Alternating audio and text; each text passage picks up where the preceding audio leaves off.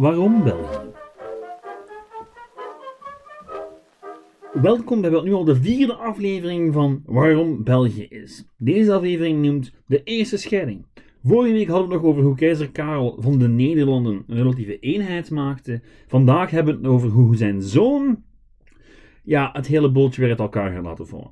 Niet expres, maar op het einde van het verhaal zitten we met twee delen van de Nederlanden, Noord en Zuid.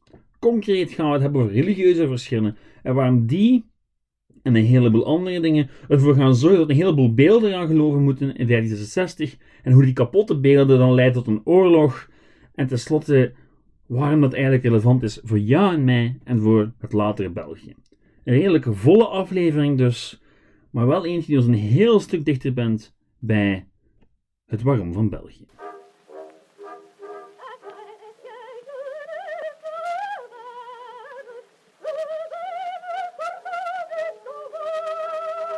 Goed, waar waren we gebleven?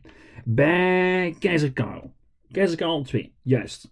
In 1555 was die al het gebakkelei met Turken, protestanten, Fransen en Duitsers grondig beu en gaf hij de fakkel door aan zijn zoon Philips. Nu, die Philips die erfde de Spaanse koninkrijken, de Spaanse overzeese gebieden en de Nederlanden. En ook wat Philips betrof kwamen die Nederlanden echt wel als laatste in de opsomming. Philips hield zijn vader voor hem het beheer van die gebieden over naar Landvoort. En die Landvoort was een zus van hem, Margarethe van Parma. Die je zeker niet mag verwarren met Margarethe van Oostenrijk, die enkele decennia eerder dezelfde functie vervulde.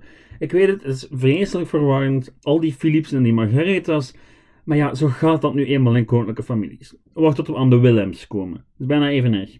Het enige waar Philips zich wel actief mee moeide in de Nederlanden, dat was de vervolging van de protestanten.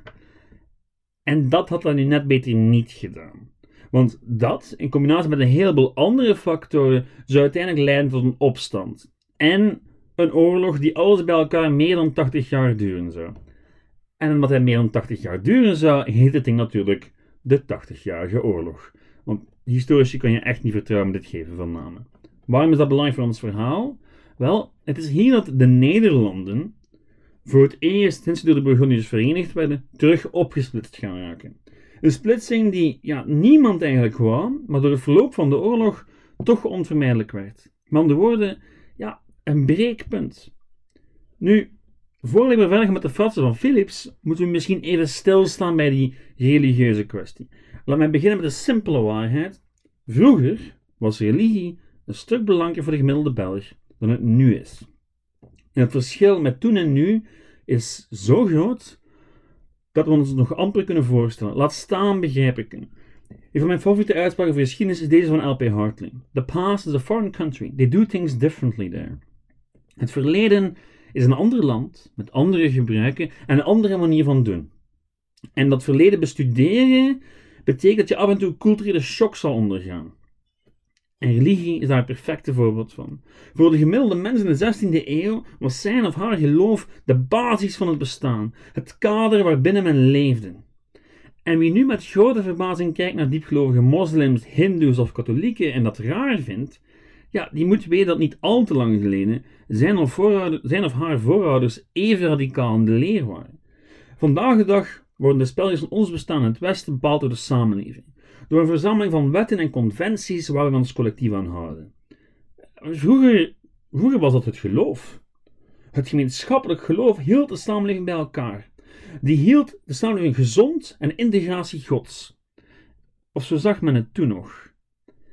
En als je de samenleving zo ziet, ja, dan is wie zich tegen het geloof keert, iemand die zich tegen de samenleving keert. Iemand die iedereen in gevaar brengt en dus ook heel snel andere gedachten gebracht moeten worden. Want religie was immers geen zaak van het individu zoals nu, maar een zaak van de gemeenschap. En afvalligen werden dus vervolgd om de integriteit van de gemeenschap te bewaren. Denk maar aan de Kataren en de Hussieten. Nu, als je dit verstaat, dan kan je misschien ook begrijpen waarom Europa tijdens de 16e en 17e eeuw verscheurd zou worden door religieuze oorlogen. En dat begint allemaal met een zekere Luther. Niet de Afro-Amerikaanse burgeractivist, maar de Duitse 16e-eeuwse priester. In 1517 spijt hij aan de deur van een kerk een pamflet, met daarop grondige kritiek van de katholieke kerk. Voor de details hier rond verwijs ik u graag door naar Luther Begot, een podcast van Clara, waar ze dat hele verhaal uit doeken doen. Voor ons verhaal moet u dit weten. Binnen de katholieke kerk was er een duidelijke hiërarchie. Wat het geloof was, werd bepaald door de klerus. En zij interpreteerden de Bijbel en niemand anders. En wat was de grootste zorg van de meeste middeleeuwers? Ah, hoe je in, die, hoe je in het hiernamaals geraken kon. Zowel jezelf en je naaste. En ook dat was de zaak van de klerus, van de priesters, van de bisschoppen, van de paus. En als zij zeiden dat al je zonden uitgewist konden worden op kruistocht te gaan, of simpelweg een dikke zak geld aan een priester te geven, dan was dat ook zo. Want zij waren nu eenmaal de vertegenwoordigers van God. Onze Luther, ja, die ging daar tegenin. Luther zei nee, nee, dat plekje in de hemel moet verdiend worden. En dat kan enkel verdiend worden door het geloof in Christus en de genade Gods. En wat men geloven moest, wel, zei Luther, dat stond in de Bijbel. En de Bijbel, die moet je lezen. Dus vertaal Luther de Bijbel in een taal die zijn gemiddelde medemensen wel verstaan kan. Duits in plaats van Latijn. En begonnen plots een heleboel mensen te ontdekken dat er ook een andere manier was om over God na te denken dan diegene die zijn Rome propageerde. En plots is die religieuze gemeenschap van katholieken, ja, begint die wat uit elkaar te vallen. Want radicale ideeën die gaan zich verspreiden. Ja, niet toevallig is er ook de, boek uit, de boekdrukkunst die uitgevonden is. En ga je plots heel veel verschillende interpretaties kunnen gaan vinden. En dat gaat het probleem worden. Vooral omdat, zoals altijd, dat religieuze conflict niet louter religieus was. Het gaat zich vermengen met andere conflicten. Hongerige boeren versus landeigenaars, graven en hertogen versus koning of keizer, steden versus graven en hertogen, en zo verder enzovoort.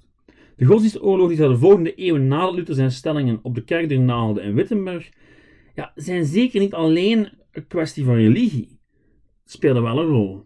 En dat geldt ook voor de Nederlanden. Want hoe zit dat nu met die Nederlanden nadat Karel de zaken had nagelaten aan zo'n lief? Wel, Onder Philips was de bevolking van de Nederlanden een stuk minder gelukkig dan onder vader Lief. Het had te maken met een economisch dipje, maar ook met de centralisatie en de vervolging der ketters. En al die verschillende factoren, ja, die begonnen in de jaren 60 samen te komen tot een gevaarlijke mix. Ja, de gewone bevolking had het meeste last van de economische malaise, zoals altijd. De adel die zag zijn eigen rechten weggevreten worden door het centralisme van de vorst. En de protestanten, ja, die kregen letterlijk en figuurlijk warm. De miserie begon pas echt toen enkele honderden edelen bij de landvoogdes, ons Margaretha dus, een petitie indienden om het vervolgen van de Calvinisten stop te zetten, om de bevolking wat te kalmeren. En Margaretha zelf, ja, die zag daar weinig gaten. Nu, het probleem was broeder Lief. Broeder Lief zat in Madrid en die was daar misschien niet zo voor te vinden. Maar Margareta zei ja, tot de Philips iets zegt. En dus komen die Calvinisten plots massaal uit de kast. En dat gaat leiden tot een historisch incident genaamd de Beeldenstorm. Uh, kleine anekdote bij dit alles. Uh, de bijnaam voor de opstand die zich binnenkort gaan beginnen roeren, die was Geuzen. En die naam kent zijn oorsprong in de uitspraak Nee, pas peur, madame, ce sont que des yeux. Uh, wees niet bang, mevrouw, het zijn slechts bedelaars. De woorden van een van de raadgevers van Margaretha. Gueux werd dus een, ja, een geuzennaam. Want daar komt die uitdrukking inderdaad van bij, vandaan. Goed, weer iets bijgeleerd. Terug naar de beeldenstorm. Hebt u zich ooit al afgevraagd waarom er zich amper middeleeuwse beelden bevinden in onze vele middeleeuwse kerken en kathedralen? Nee? Just ik? Ja, oké. Wel, mocht u ooit al eens zo'n middeleeuwse kerk bezocht hebben, dan is u misschien wel opgevallen dat er veel van het interieur niet bepaald middeleeuws uitziet. En dat is zo omdat het dat ook niet is. Vaker wel dan niet is het in de decennia na 1560 aangebracht. Waarom 1560, lieve mensen? Wel, omdat dat het jaar is waarop heel wat middeleeuwse beelden en schilderijen eraan geloven moesten. Toen hoorden Calvinisten en aanhangers de kerken binnenstroomden om het interieur kort en klein te slaan. Goed, Calvinisten. Wat zijn Calvinisten? Ik ga opnieuw niet in detail gaan. Maar je had naast Luther in de 16e eeuw ook nog twee anderen aan de wieg van hun eigen protestantse beweging: Calvijn en Zwingli. Nu, die tweede vermeld ik enkel omdat dat al een grappige naam geweest is, maar die doet er niet toe. Calvijn wel. Luther was heel radicaal in de ogen van zijn tijdsgenoten, maar in vergelijking met Calvijn eigenlijk een dutje. Calvijn en zijn volgelingen die namen aanstoot aan de uiterlijke praal van de kerk, aan de gewaden van de priesters, aan al dat goud, al die beelden. En die gingen daarbij een stuk verder dan Luther. Toen die Calvinistische prekers opnieuw mochten beginnen preken, omdat Margaretha een time-out had gecalled wat betreft de vervolging, ja, dan gaan die al die uiterlijke pracht en praal als doelwit nemen. En op 10 augustus 1566 slaagt een preker in Frans-Vlaanderen zijn publiek zo op te hitsen dat ze spontaan naar de dichtstbijzijnde kerk trekken om er alle beelden een kopje kleiner te maken. En daar had het misschien kunnen eindigen met die ene kerk. Maar dat deed het niet. Dat deed het niet, want er kwamen heel veel factoren samen. Je had de crisis, waardoor heel wat arbeiders werkloos waren. Het Calvinisme dat heel aantrekkelijk was, omdat het net dat soort mensen waren die geen aflaat konden betalen, die zo toch nog naar de hemel zouden kunnen. En ja, het lokale elend bestuur, die hadden weinig zin om tussen de meten en de wel iets te rijke kerken te gaan staan. En dat was een heel explosief mengsel. Met enkele maanden tijd deint dat fenomeen uit van het zuidwesten van Vlaanderen tot het uiterste noorden van Nederland. In Brugge, Gent, Brussel, Antwerpen, Utrecht en nog zoveel andere steden en dorpen gaat hetzelfde fenomeen zich gaan voltrekken. De beeldenstorm. En om te illustreren hoe het er precies aan toe ging, leen ik even de woorden van Marcus van Varnewijk, die heel het gebeuren gade sloeg in Gent en achteraf dit schreef, over hoe de geïllustreerde boeken in de kloosters behandeld werden. Zij scheurden en bedorven daar ontellijke boeken, zodat geheel die straat overdekt was met geprenten papieren.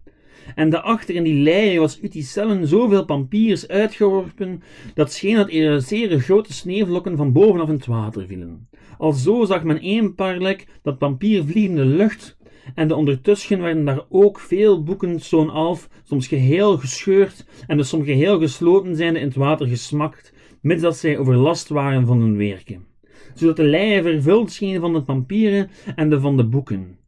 Men zegt dat het er predigeren waren die sommige boeken als verwoede tijgerdieren met haar en tanden scheurden, andere sneden ze met haar en messen en stikken. Oké, excuseer voor het oud-Nederlands, maar een gewapende meute heeft zojuist een heleboel religieuze kunst vernietigd en daarbij alle religieuze en aardse wetten negeert. En nu?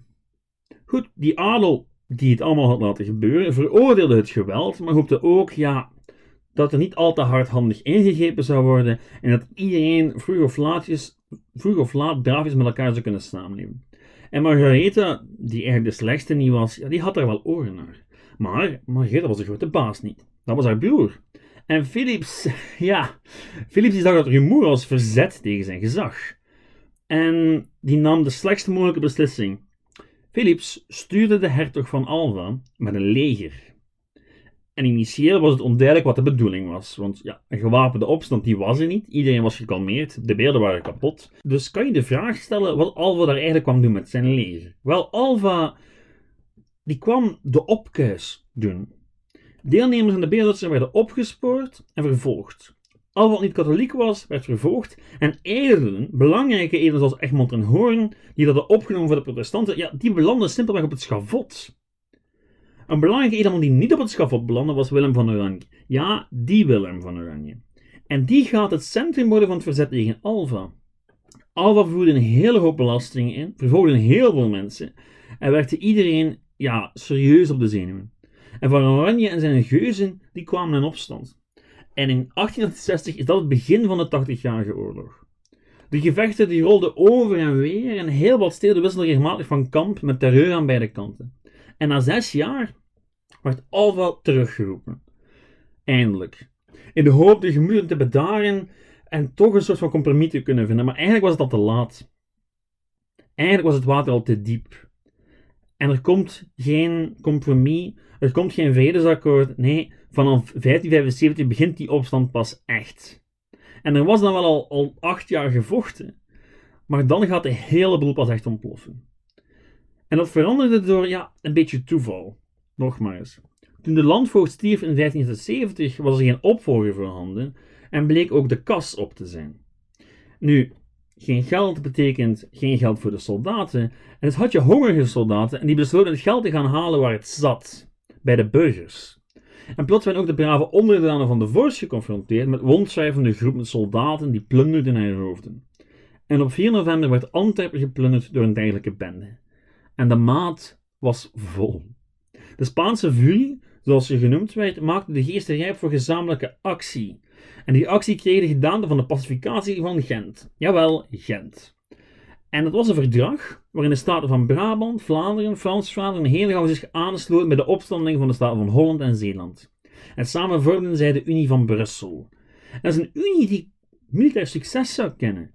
Eventjes. Tot er een nieuw land voortkwam en het tij opnieuw zou keren.